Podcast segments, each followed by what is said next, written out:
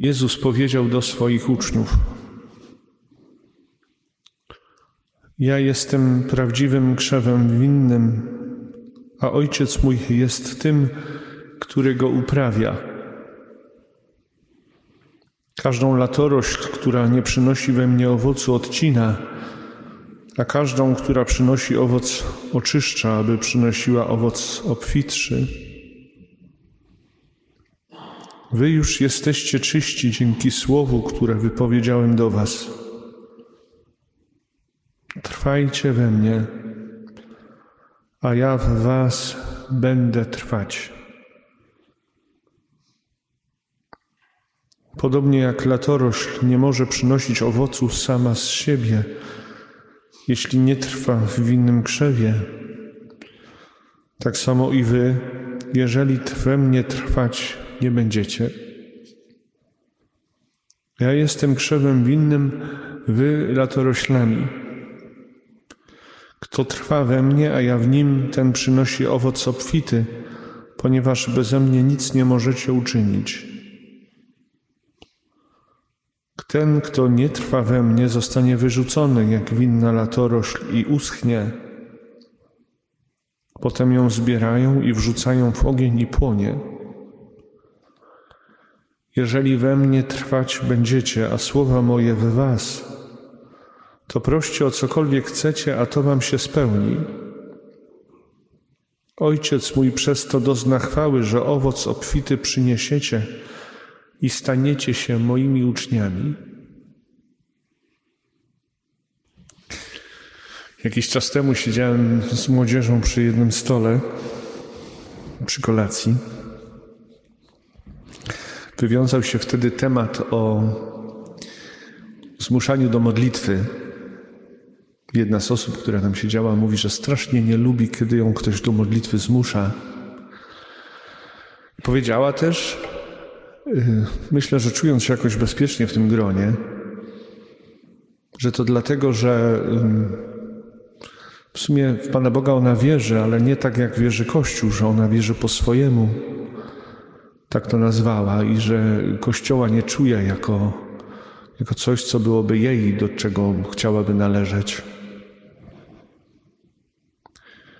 Z jednej strony cieszę się tym, że ta przestrzeń, którą stworzyliśmy przy tym stole, była dla niej na tyle bezpieczną, żeby mogła to sobie opowiedzieć.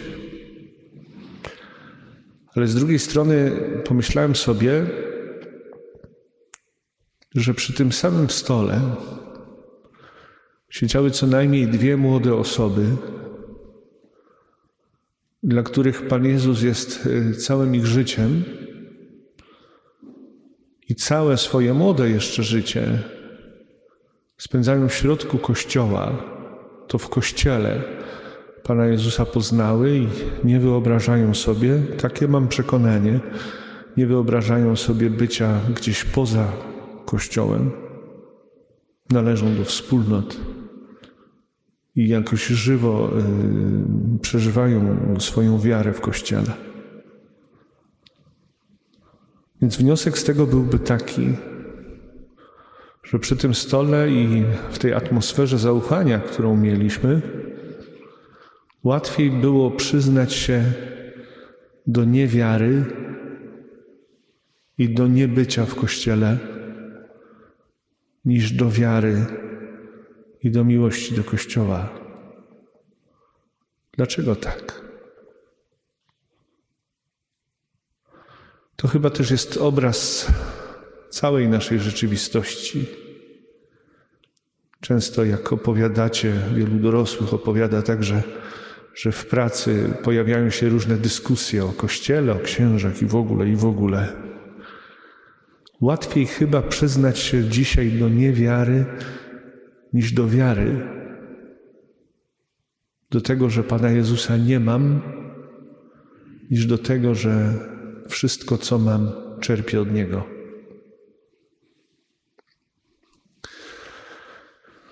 Jak rozmawiałem z moim przyjacielem o tym, czemu tak jest, on powiedział mi, że myślę, że bardzo mądrze, że wtedy, kiedy przyznajemy się do niewiary, Przyznajemy się do czegoś, czego nie mamy. Przyznajemy się do w pewnym sensie niczego. Czegoś, czego nie ma. A wtedy, kiedy przyznajemy się do wiary, przyznajemy się do czegoś, co jest naszym fundamentem, czymś, co jest w, w przestrzeni rzeczy najbardziej wartościowych, a jednocześnie do czegoś, co jest bardzo intymne i wrażliwe. Ryzykujemy, przyznając się do wiary, bo jeżeli zostaniemy niezrozumieni, to to zaboli. Tak, to jeden z ważnych powodów, dla których łatwiej przyznać się do niewiary niż wiary. I nie mówię po to, tego po to, żeby wpędzać kogokolwiek z nas w poczucie winy, ale jednocześnie jak słucham, czy jak słuchamy dzisiaj Słowa Bożego, to mam wrażenie, że to jedna z ważnych rzeczy, o której dzisiaj Słowo Boże mówi. Bo słyszymy dzisiaj o Kościele, który potrzebuje najbardziej, potrzebuje naszego trwania w Chrystusie, bycia wszczepionym w Chrystusa i trwania w Chrystusie. Dzieje apostolskie opowiadają nam dzisiaj o świętym Pawle, który przybył do Jerozolimy krótko po swoim nawróceniu.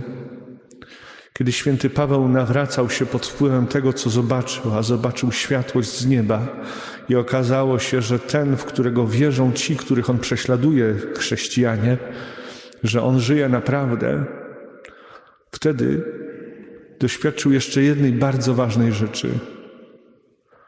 Kiedy Pan Jezus ukazał mu się w drodze do Damaszku, zapytał go: Szawle, dlaczego mnie prześladujesz?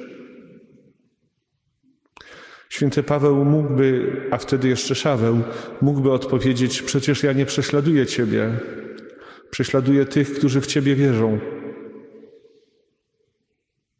Ja tylko ich prześladowałem, ich kamienowałem. Ale kiedy usłyszał pytanie, dlaczego mnie prześladujesz, to razem z wiarą w Pana Jezusa, który zmartwychwstał i żyje, otrzymał wiarę, że Kościół, czyli ci, którzy w Niego wierzą, to Jego ciało. Jak ktoś prześladuje Kościół, to prześladuje Chrystusa. Jak ktoś uderza w ciało mistyczne Kościoła, to uderza w ciało Chrystusa. Tego nauczył się Paweł w momencie swojego nawrócenia, a zaraz potem nauczył się, że nie da się w Chrystusa wierzyć samemu, że nie ma takiej latorośli, która mogłaby być oderwana od tego krzewu, że jak próbował głosić w samotności, w takim oderwaniu od Kościoła trochę, albo jeszcze w, w, w takim niezbrataniu się z Kościołem, to był bezsilny. Dlatego przyjechał do Jerozolimy, dlatego nie, chciał, nie, nie, nie mógł być przyjęty, bo wszyscy się go bali, nie do końca wierząc, że można się tak nawrócić ale jednocześnie słyszymy dzisiaj w, w pierwszym czytaniu, że bracia dowiedziawszy się o tym, że Paweł ma być zabity, doprowadzili go do Cezarei i do Tarsu. Bracia go odprowadzili. Święty Paweł stał się bratem w Jerozolimie. Stanął w środku kościoła.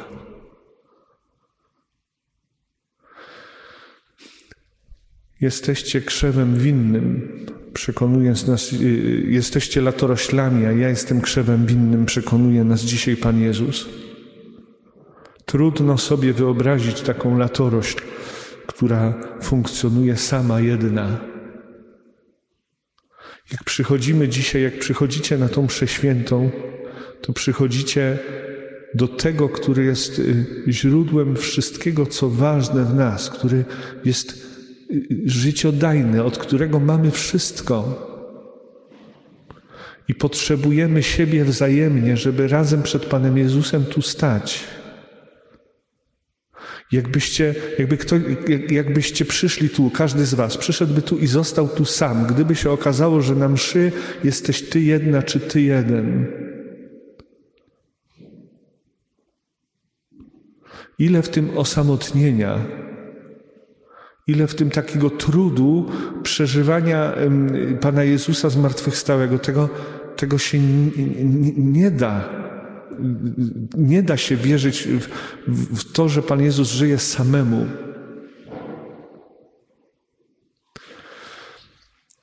Święty Jan w drugim czytaniu mówi nam, że nie mamy miłować słowem i językiem, ale czynem i prawdą. Nie wystarczy tylko mówić o miłości, choć też trzeba, ale nie da się kochać tylko y, zapewniając o miłości. Kochać mamy czynem i prawdą. Jesteśmy dzisiaj w niedzielę w kościele. Mam wrażenie, że na Eucharystii jest dla nas oczywistym to, że trwamy tu w Chrystusie, po to tu jesteśmy. Jutro mamy jeszcze święta, ale potem wrócimy do naszej codzienności i do środowisk, w których żyjemy w świecie. Tam jest mnóstwo podobnych do, do tej osoby, która opowiadała o swojej niewierze. Wśród nich będziemy. Czy widać w nas, czy widać po nas, że jesteśmy tymi, którzy trwają w Chrystusie? Po czym to może być widać? Po naszych czynach i prawdzie. Po czynach, w których konkretyzuje się miłość. Po tym, że oni mogą na nas liczyć jak na nikogo innego. I po prawdzie, która w nas jest wpisana. Czy jest prawdą o nas, że bez trwania w Chrystusie nie mamy nic? Czy jest prawdą o nas, że nasze życie czerpiemy z Chrystusa, że żyjemy dlatego, że Pan Jezus? Pan Jezus, który żyje tu i teraz, dzisiaj? Skoro to jest prawdą o nas, to czy ci, których spotkacie w tym tygodniu,